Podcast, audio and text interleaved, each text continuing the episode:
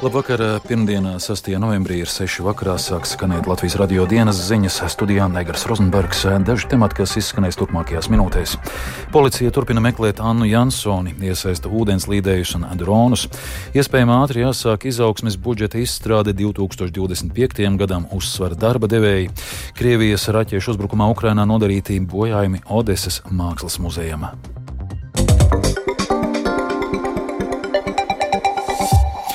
Arī šodien turpina meklēt pazudušo Annu Jansoni. Meklēšana notiek Jelgavas novada Valgondas pagastā, kur atrasts sievietes pamestais nomas auto un tajā mirusi šogad dzimusi Jansonis meitiņa Luīze.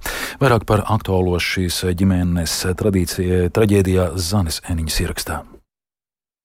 Kaut gan meklēšana Jāgavas novada Valgundas pagastā turpinājās visu nedēļas nogali, un tajā iesaistīti plaši spēki, gan valsts policija, gan zemesardze, gan organizācijas bez vēsts LV un K9 SOS, kā arī sievietes tuvinieki, Anna Jansona vēl ar vienu nav atrasta. Par to, kā meklēšanu paredzēts paplašināt, stāsta valsts policijas pārstāve Simona Grāvīte. Plānots piesaistīt ūdenslīdējus un dronu, lai pārmeklētu teritorijas Jāgavas novadā. Atbildot uz jautājumu, vai nepieciešama plašāka sabiedrības iesaiste, valsts policijas pārstāve informēja, ka pat labam vairāk brīvprātīgo meklētāju nevajag.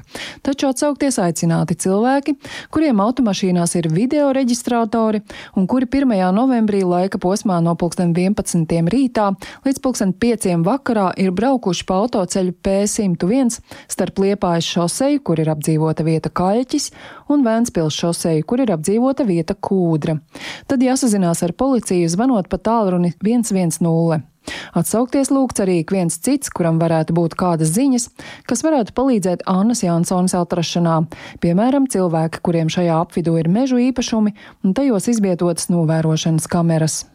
Publiski policijai veltīts daudz pārmetumu par novēlotu reakciju un komunikācijas trūkumu, bet tos valsts policijas pārstāve Simona Grāvīte noraidīja. Mēs šobrīd par kāds izmeklēšanas detaļu aktīvā izmeklēšanā nevarēsim publiski komentēt, bet mēs strādājam jau kopš pirmajām minūtēm un mēs to darīsim turpmāk. Pazudušās sievietes vīrs Juris Evertovskis savukārt pastāstīja, ka viņam lietā ir cietušā status, bet viņš aktīvi iesaistījies sievas meklēšanā un arī sniedzis policijai visu veidu informāciju informāciju, kas varētu meklēšanu atvieglot.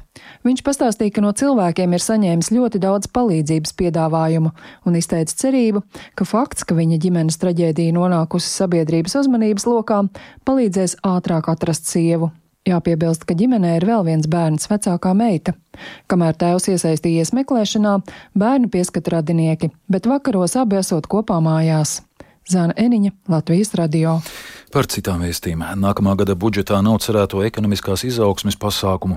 Tā par 2024. gada valsts budžeta projektu un Nacionālās trīspusējās sadarbības padomas sēdē šodien izteicās valdības sociālie partneri. Viņi vēlas iespējami ātri piedalīties ekonomikas izrāviena budžeta izstrādē aiznākamajam gadam un sagaida, ka viņa iesaiste nebūs tik formāla kā līdz šim. Par nākamo gadu lielākās bažas atalgojumu un kadru trūkumu dēļ izskan no iekšlietu jomas pārstāvjiem. Premjeras sola viņi ir sadzirdēti. Vairāk Jāņa Kīņša sagatavotajā ierakstā.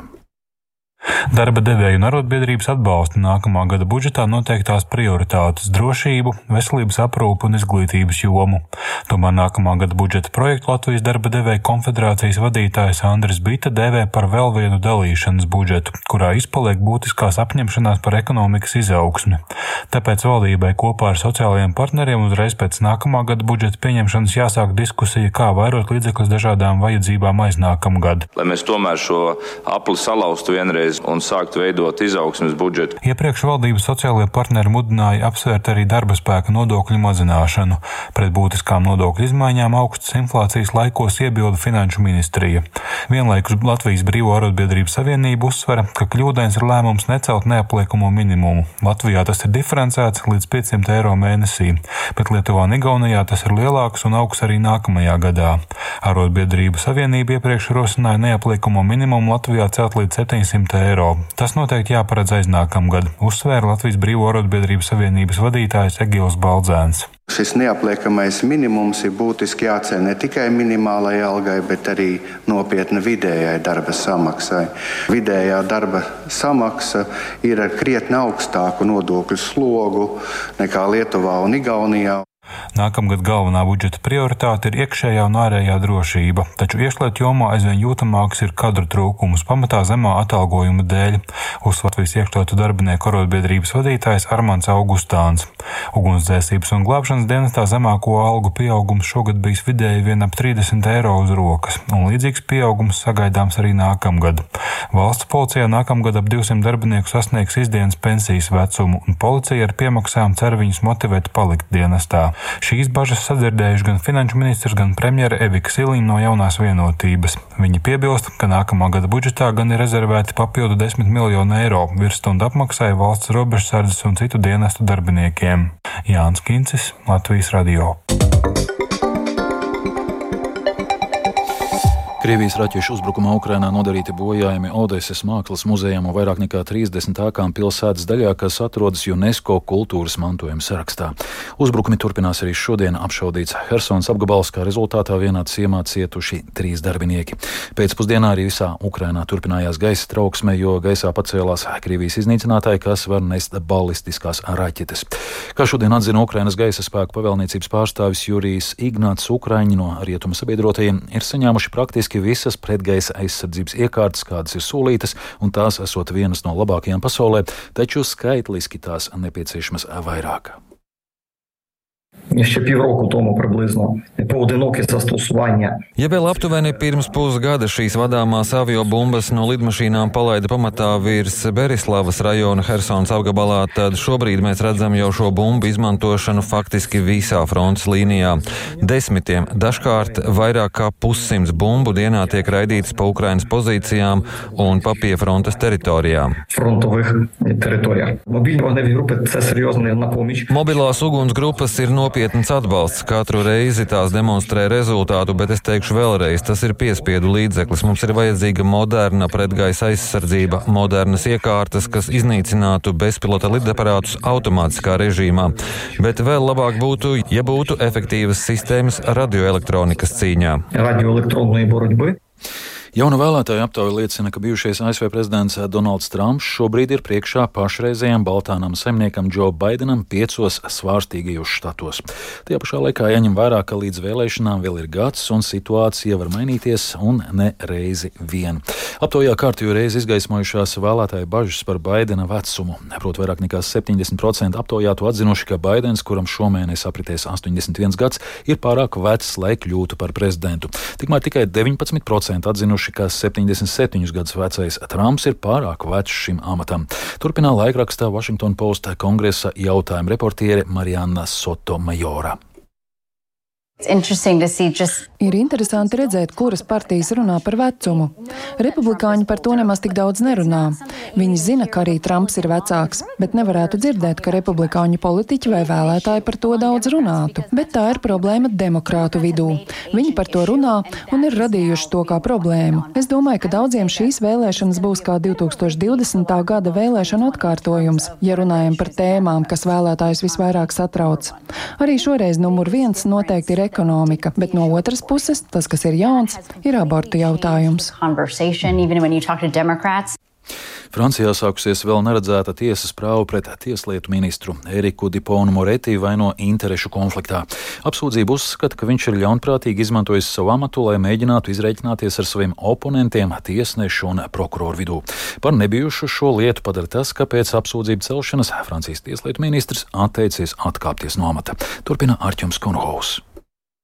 Eriks Dipons Moretti savas eh, karjeras laikā ir guvis eh, tādu kā iesauku attaisnotais, proti viņš ir panācis eh, vienu no lielākajiem cilvēku skaitu, ka viņi tiek attaisnoti, un viņam tiešām tas izdodas krimināla lietās, un pēdējos gados viņš bija ķēries arī klāt diezgan tādām politiski jūtīgām lietām. Pēc nonākšanas tieslietu ministra amatā viņš ir rosinājis pārbaudas par vairākiem tiesnešiem, kas ir piedalījušies lietās, kur viņš ir iepriekš bijis advokāts. Un te arī slēpjas eh, šīs stāsta būtība prokurori uzskata, ka viņš ir izmantojis savu dienesta stāvokli, lai vērstos pret tiesnešiem, ar kuriem viņam iepriekš ir sabojājušās attiecības. Un jāsaka, ka neviena no šīm pārbaudēm pret šiem tiesnešiem nav uh, neko uh, atradusi. Lai gan Lietuvas un Igaunijas pārstāvji pagājušajā nedēļā paziņoja par pasažieru pārvadājumiem ar vilcieniem Latvijā no nākamā gada vasaras, pagaidām nekādi oficiāli pieteikumi vēl nav saņemti. Tā norāda valsts dzelzceļa administrācijas direktors Andulis Žitkovs. Pirms pārvadājuma uzsākšanas esot jāsaņem Eiropas dzelzceļa aģentūras vienotais drošības certifikāts. Savukārt Latvijas valsts dzelzceļa administrācija vērtēs, kā šie pārvadājumi ietekmēs esošo pārvadājumu sistēmu Latvijā pelnošākie reisi no rīta un vakarā, kad cilvēki dodas uz darbu un atpakaļ. Savukārt lielākā daļa reisu ir, kur valstī nākas sekt zaudējumus, bet valsts nodrošina nu, pasažieru satiksmi, lai visa sistēma būtu mazāk no valsts finansējuma prasoša, ir jāierobežo iespēja darboties tajā pelnošajā daļā. Bijušais satiksmes ministrs Tāls Linkaits no konservatīvajiem norāda, ka pirms pandēmijas Latvija nodrošināja tikai atsevišķus vilcienu reisus uz Krieviju, Baltkrieviju un Ukrainu. Lietuviešiem ir uh, spēcīgs vietējais pārvadātājs LTG Link, kas specializējās tālsatiksmes braucienos, un es domāju, ka viņiem ir arī piemērots ritošais sastāvs. Latvijas iedzīvotāji noteikti būs ieguvēji, ja uz uh, Latviju sāks kursēt kaimiņu valstu pārvadātāju vilcieni, gan uh, Igaunijas, gan Lietuvas uh, virzieni, es domāju, ka būs pieprasīti. Gatavojoties Lančplīša dienai, ko svinēsim 11. novembrī šīs nedēļas beigās, pie Latvijas kara muzeja šodien iedegts neatkarības kara piemiņas ugunskurs. Tur vēl līdz septiņiem vakarā apskatāms arī dažas militārās tehnikas vienības. Amatpersonas runāja par Latvijas bruņoto spēku un tautas lielo saliedētību laikā, kad nolikā bija deklarēta Latvijas valstiskā neatkarība, taču tā pašiem vēl bija jāizcīna ar ieročiem rokās pretojoties divām lielvarām. Vai arī šodien var teikt, ka tauta un armija ir saliedēta? Nacionālo bruņoto spēku komandieris ģenerālleitnants Leonīds Kalniņš atbild apstiprinoši. Mēs to pilnībā izjūtam. Jo, ja nebūtu sabiedrības un tautas atbalsta, tad bruņotajos spēkos nebūtu karavīru un zemesardzē, nebūtu zemesargu. Mēs esam tie, kas eh, no tautas saņemam labākos Latvijas pilsoņus mūsu drošības sardzē. Un katru dienu mēs jūtam šo atbalstu no sabiedrības. Turpinājumā par sportu Latvijas hokeja izlase šodien uzsāk novembra izlašu pauzi un gatavošanos divām pārbaudas spēlēm pret eh, Franciju. Komandas galvenais treneris Harijs Vitoļņš norāda, ka neraugoties uz to, kāds tieši ir komandas sastāvs, katram no spēlētājiem esot kaut kas pierādāms, bet izlasēji kā komandai jānotur uzstādītā latiņa. Jā, mēs atkal sākam visu no nulles. Es domāju, ka katram spēlētājam ir ko pierādīt. Tie, kas varbūt pierādīt, nostabilizēt, jā, jo mēs to latiņu esam pacēluši. Un, kā es šogad novērtēju, ja, tad um, mūs novērtē visai augstu. Tādā ziņā Eiropa novērtē mūs augstu, pateicoties tam sniegumam, un līdz ar to mums ir tāda atbildības sajūta, ka mums arī jārāda. Neatkarīgi no tā, kāds sastāvs vai optimāli spēcīgākais, vai arī jaunākiem, vai kā mums jārāda savu spēli. Latvijas-Francijas pārbaudas spēles hokeja plānotas 4. un 5. Rīgā Daugavas ledus hallē. Un vēl Igaunijas un Latviešu veidotās animācijas filmas Kaka, Pavasaris un draugi īsfilmas Pazudušās zeķes mūzika nominēta Holivudas vizuālo mediju mūzikas balvai. Mūzikas autors ir komponists Rihards Zaļupe. Pazudušo zeķu režisors un scenārija autors ir Oskars Lehemā. Filma veidota ar jaunākajām leļu animācijas tehnoloģijām. Īsfilmas mūzika nominēta animācijas īsfilmu kategorijā, kamēr citās kategorijās nominēta nominēta mūzika no tādām gada skatītākajām filmām kā Bārbija, Oppenheimers, Avonka, Mazā Nāriņa un citas. Izskan Latvijas radio dienas ziņas producents Edgars Kupčs, ierakstus montēja Uldis Grīnbergs, par labskaņu rūpējās Mārtiņš Paeglis, studijā Negras Rozenbergs vēlreiz īsumā par svarīgāko. Policija turpina meklēt Annu Jansonu, iesaist ūdens līdējus un dronus. Iespējams, ātri jāsāk izaugsmes budžeta izstrāde 2025. gadam uzsver darba devēji. Vēl tikai par laikapstākļiem. Yeah.